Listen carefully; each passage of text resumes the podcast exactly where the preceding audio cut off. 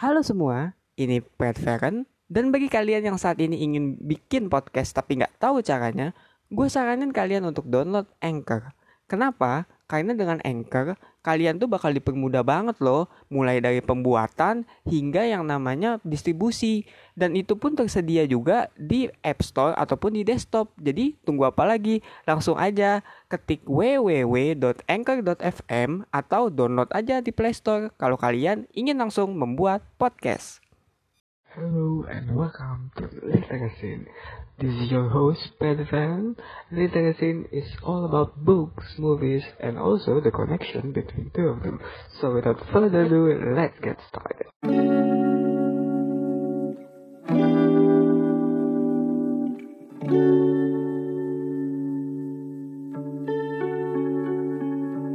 So today we're gonna talk about Pilgrim. Jadi hari ini kita akan bahas mengenai Scott Pilgrim ya. Kalian semua, oke, okay, gue gue kan gue sadar di episode sebelumnya gue Inggris gue nggak jago banget, so gue campurin aja dulu ya. I'm sorry, but I will try to learn speaking more for my international um, listeners. Jadi kenapa gue mau bahas soal Scott Pilgrim? Scott Pilgrim is one of the most um, iconic, maybe not that iconic, but it's really iconic for me and a whole generation of those who delves into pop culture. Jadi Scott Pilgrim ini tuh emang bener-bener sangat berpengaruh gitu ya, bukan hanya buat gue, bukan untuk hanya tua juga ya gue nggak tahu ya karena kan ada orang tua yang gedenya tuh masih tetap jadi gamer gedenya suka gunpla I don't know ya mungkin one of my friends do that ya kan? Mungkin juga ada orang yang udah gede masih tetap otaku gitu. Nah Scott Pilgrim really talks to the generations. Because even though it themes on romance how we accept things as we move on with life ya karena Scott Pilgrim sendiri kan pacarnya banyak mantannya banyak gitu. Dia mau dapetin Ramona juga dia ngelawan Seven Evil Exes-nya dia gitu. Ya ini agak spoiler ya tapi kalau yang udah nonton sih ya oke okay lah gitu. Lu udah pasti juga udah tahu gitu. Tapi kalau yang belum nonton serius nonton jangan tonton karena lu cuma pengen I don't know sinematik lu cuma pengen plot terus ya lu tonton film yang kayak gini gitu. Scott Pilgrim is an entertaining movie and I recommend that you must watch it. At least once in your life. Because of that reason and also because of uh, I forget the actor who played Kenneth Chow gue lupa namanya. Nanti gue cari deh. Dan ya Scott Pilgrim benar-benar berbicara dengan bukan benar-benar bicara suatu itu benar-benar menyampaikan gitu apa yang ingin disampaikan oleh generasi itu gitu ya. Terutama generasi 90-an yang emang masih struggling gitu. Kalau generasi yang udah tua kan mungkin yang kayak ya sebenarnya it's normal to have your hobbies to have your um, passion in the old age karena ya emang nggak apa-apa kan itu yang bikin kita kita gitu. Kayak lo suka game RPG gitu atau lo suka PlayStation. Ya kalau lo tua lo bakal main PlayStation sama anak lo kan juga gak apa-apa gitu ya. Emang itu adalah kita gitu itu adalah diri kita sendiri gitu. Dan Scott Pilgrim us to embrace who we are by I don't know the arc the Lego Scott arc I mean in the comics there is a the arc where Scott faces his deepest and darkest self where yeah he um treats his exes a bit worse especially Kim. Ya karena dia tuh juga dulu kan ada egois ya. Gue akui gitu dia juga dulu ada egois dia juga ada ya, ibaratnya kayak orang selingkuh minta yang lebih baik. Nah itu tuh dia tuh Scott gitu. Dan di situ dia kayak mulai menyadari gitu. Setelah dia ngelawan negasi dia mulai menyadari gitu bahwa apa sih sebenarnya gue nih apa sih yang harusnya gue lakukan? Ternyata ya it's basically simple. It's just accepting who we are. I mean even though it's bad even though it's worse ya that's still a part of ourselves right? Bener gak sih? Kalau lo misalkan gitu ya. Ya entah kelemahan lo kayak Scott atau mungkin kelemahan lo kayak ya orang lain gitu. Misalnya lu nggak bisa apa nggak bisa apa. Ya sebenarnya kan lu cuma butuh ngobrol sama diri lo sendiri gitu lo ngobrol lo punya sisi jahat ya lo, lo ngobrol bener-bener ngobrol gitu. Apa sih yang lo mau gitu? Dan even though it's cliche most of the times it really works. Jadi ya gue rasa kalau lo emang bener-bener bingung ya coba deh ngobrol gitu. Dari hati ke hati. Dengan diri lo sendiri. Siapa tahu bisa menemukan jawabannya. And also that what makes Scott Pilgrim comic book or graphic novel is really great because it really really tries to tell us a story that is relatable in a high fantasy settings, but we still understand it. Ngerti kan maksudnya kayak kita masih ngerti loh mes meskipun ceritanya kayak soal wah nih dia ngelawan apa uh, klon apa sisi gelap dia berantem. Terus juga kayak ada sisi unsur-unsur fantasi dari video game. Tapi tetap kita tetap ngerti. We really understand we, we still understand I mean we still understand his story his struggles his motives. And that's what makes Scott Pilgrim's comic book great. Yang sayangnya sih kalau di film ya mungkin agak kurang ya. Gue akui gitu ada beberapa kayak ada beberapa elemen yang hilang ada beberapa agak off gitu ya kayak misalnya sebenarnya si Kyle sama Ken itu dia tuh lebih berwarna gitu kayak nggak cuman diem terus nge DJ gitu ya. Ya ini emang agak eh tapi ini nggak spoiler juga ya. I mean it's not spoiler if you're talking about what's the character do and without context ya. Jadi intinya yang mereka berdua cuma nge DJ doang nggak jelas gitu. Kalau itu mereka lebih berasa gitu kayak lo kenapa ini apa namanya dulu pacaran sama Romona gitu mereka Romona kenapa mereka ngalangin suka kenapa lebih biasa gitu. Dan kalau di film tuh enggak cuman kayak ya that's just a enemy that Scott needs to face it so yeah that's impressive and ya menurut gue sayang banget sih anjir sayang banget. Itu potensi banget dan kan potensial banget saya karena gue suka banget sama si Kevin dan Ken yang lagi ini. Because of the reference to Dual Dragons beat 'em up series. Yeah I'm that old. I know Dual Dragons. I know Final Fight.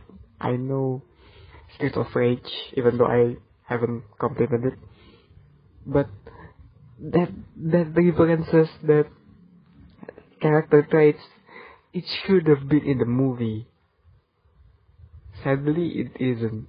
But, well, at least we got the movie. So, yeah. Harusnya gue bersyukur. ya itu, itu satu-satu perbedaannya jauh banget gitu. Yang kedua, video game references. Referencesnya lebih berasa kalau di komik. Kenapa? Udah banyak banget nya gitu. Lu hero kalau di apa namanya di filmnya itu tuh cuman kayak generik katana gitu. Terus lu pakai jurus-jurusnya soal Calibur 2 and that's just your I don't know video game references. Setelahnya nggak ada gitu kayak cuman pada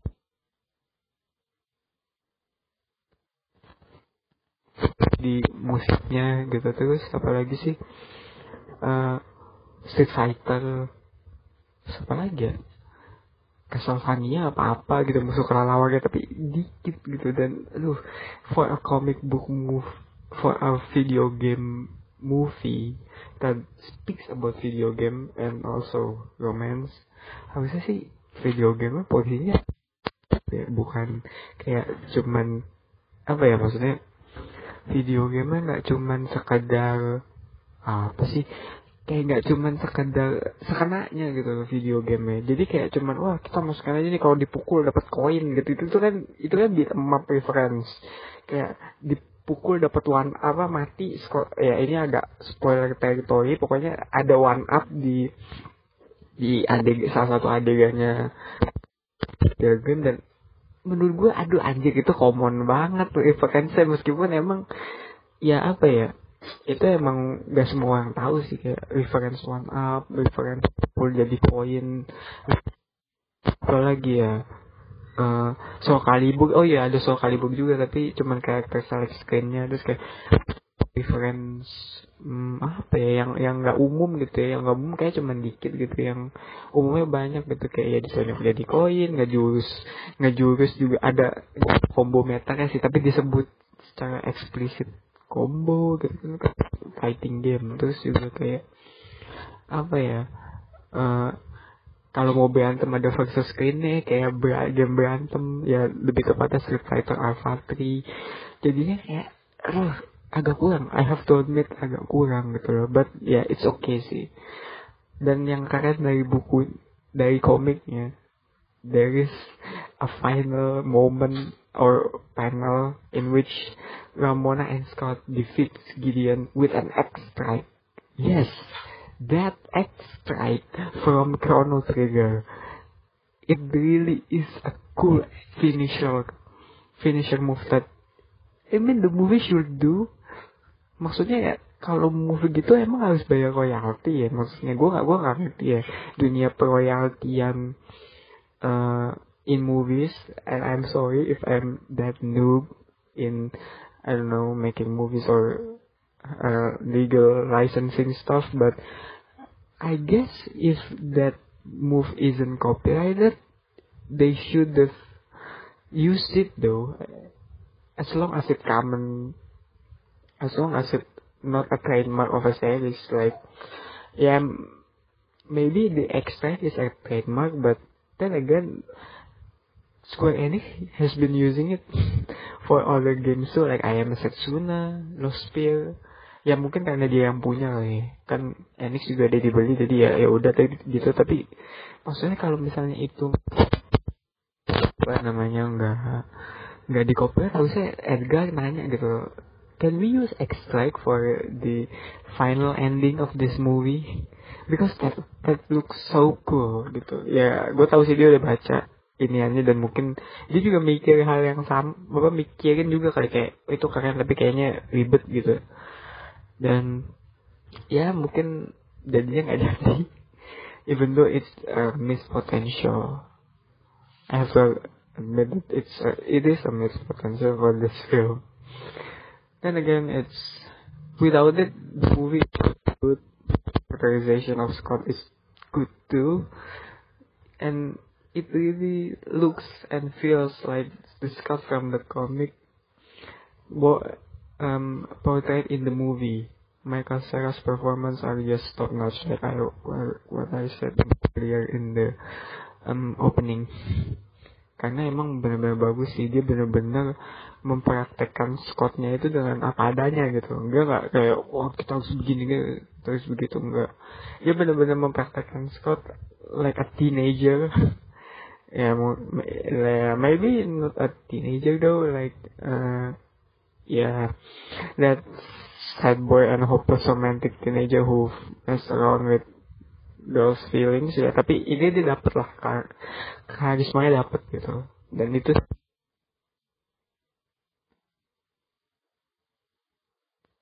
gue gue speechless banget mau ngomongin apa soal Scott ini kan emang Scott Pilgrim kan emang bagus gitu mulai dari referensinya dan semuanya tuh bagus apalagi soundtracknya ya. Kalau di film tuh soundtracknya back kan. Black sheep itu emang harus eh, back bukan back sih back itu lain lagi sama komik uh, metric yang nyanyi gitu ya. Black sheep is is awesome. Also Brie Larson though he really shows his her voice in this movie. And I have to admit this her voice are definitely not too bad. Emang bagus kok suaranya. Dia ya meskipun jangan lu bandingin sama Ariana enggak. Suaranya bagus gitu. Emang listenable lah gitu. Sayang sih dia nggak nyanyi. Ya mungkin dulu nyanyi I don't know. Mungkin ya. Jadi coba aja lu lihat di Google. Dan yang terakhir gue karena tadi juga langsung bahas perbedaannya gue nggak banyak cinta gitu dan ini perbedaan yang paling terakhir adalah Scott really had some moments with his ex, especially with Kim. In in the movie, it's it's just not shown like they're just um apologizing for Kim, you look good. but in the comics, Scott and Kim are having a heart-to-heart talk. And talking about past mistakes, um, his mistakes too, and also he begged Kim's forgiveness. Yang gue rasa itu bener-bener defining momennya Scott gitu. Dia belajarnya bukan dari berantem sama Gideon. Kalau di movie kan dia Gideon jadi dia belajar belajar itu gara-gara dia mati berantem. Ya ini agak spoiler ya but it's okay gitu. Gue gue jelasin karena konteks ceritanya sih ya. Emang mau nggak mau bakal spoiler juga sih. Ya intinya berantem gitu. Terus dia dia bawa oh gue harus begini karena ya Ramona gitu. Dia nggak belajar dirinya lebih baik lagi kayak what he done in the past yang sebenarnya harusnya Wright should took a note of that gitu. They should really have a moment in that movie. I mean Kim and Scott talking heart to heart. And then maybe kiss. Or maybe um yeah just holding hands and says that yeah I forgive you. Itu lebih baik sih sebenarnya. Damn gue baru kepikiran juga. Tapi ya mau bukan mau gimana juga ya. Maksudnya gue gak mau gue menjelaskan ini bukan untuk membandingkan tapi kayak ngasih tahu nih perbedaannya gitu. Dua-duanya sama-sama bagus ya tapi emang menurut gue ada hal di buku yang membuat filmnya itu agak kurang gitu loh. Emang ada hal yang bikin bukunya juga maksudnya ya itulah intinya bikin bukunya sedikit lebih baik dari film gitu. Ya kayak tadi gitu interaksi Scott dengan Kim gitu kan. Itu karena itu sebenarnya plot point juga gitu. Kalau di filmnya ya eh bukan di komiknya ya gitu. Karena dia ngelawan Scott tuh nggak di akhir gitu. Kalau di yang akhir kan jadinya kayak ya kayak di filmnya gitu. Jadi ujungnya dia harus milih antara Mona atau ini gitu. Padahal kalau dia ngelawan Scott itu di tentunya sih gue rasa endingnya lebih ngena. Kenapa? Karena dia udah nemu forgiveness gitu tahu alasan dia mencintai Ramona yang sebenarnya jadi dia bisa fokus combat gitu. Ya tapi ya udahlah filmnya tetap bagus juga kok. I really like Edgar Wright style of I really like Edgar Wright style and also really love his music um music choices like using a uh, Ramona, I guess? Ramona, and also I don't know. I just remember Ramona, and also Black Matic, yeah. Where is which is cool, I mean. Dan harusnya ya, kalau gue boleh jujur ya, harusnya ada sequel. please, eh gue make a sequel of Scott Pilgrim, please. Karena kan emang belum jelas juga sih ya. Maksudnya ya gimana ya maksudnya bukan bukan belum sih kita juga penasaran gitu we as fans are curious about Scott Pilgrim's life Scott, Scott Pilgrim's life after the movie. Maybe show him with kids maybe show him and order knives chow some uh, moments together like fighting exes or whatever. Karena penasaran juga sih emang emang di komiknya juga em gak dikasih unjuk sih. Kayaknya cuma muncul cameo nya ya gitu di seconds you should read seconds too because it it's a tale about how our choices really makes a difference in this world and also not to not uh, uh, how to not become an egoist that really we shouldn't have done uh, what what what I'm saying. I mean, and it really teaches us not to become egoist because of our choices matters and it affect other people. It that's what I meant. Sorry. Nah itu itu juga alasan harus ya itulah alasan dimana lo harus baca seconds and also you need to read Lost at Sea because it deals about moving on. It deals about acceptance albeit in a serious way because yeah, let's face it, moving on is hard, isn't it? Moving from your ex, moving from your crush maybe, or moving from your recently diseased loved ones. It's it's really hard and depressing and sad, but Bailey O'Malley just portrays it as a beautifully and also hopefully uh, no no beautifully and full of hope jadi ya lu baca deh baca deh Sea lu baca kan gitu. Itu sama kayak Scott Pilgrim Scott Pilgrim itu cuman kayak apa ya seri, serius tapi dibikin fun gitu karena ada video game apa apa second sama Lost Edge itu temanya juga sama gitu. Meskipun emang agak lebih serius. Second sih agak lebih cibi-cibi anime gitu kan. Ya emang dia mainnya di situ gitu. Meskipun ceritanya serius kalau Lost Edge sih mungkin kayaknya serius banget sih gue tapi itu bagus gitu lo bikin lo mikir gitu kayak oh ya ternyata moving on tuh begini begini begini and I really encourage you those books and if you are in, interested in Brian Lee O'Malley's latest works, you should check out Snot Girl too. It's a comic book though, from Image. I really don't know the detail of the story, but it seems fun. It tells about a girl who is a spy, I, I guess. Gue lupa, tapi ya, in, in the end you should read it. so that, um, so that this episode of Literacy. Don't forget to follow this podcast if you like it and you don't mind with my absolute English butchered budget English. For now it's just English, but yeah, maybe someday in the future full fluent English.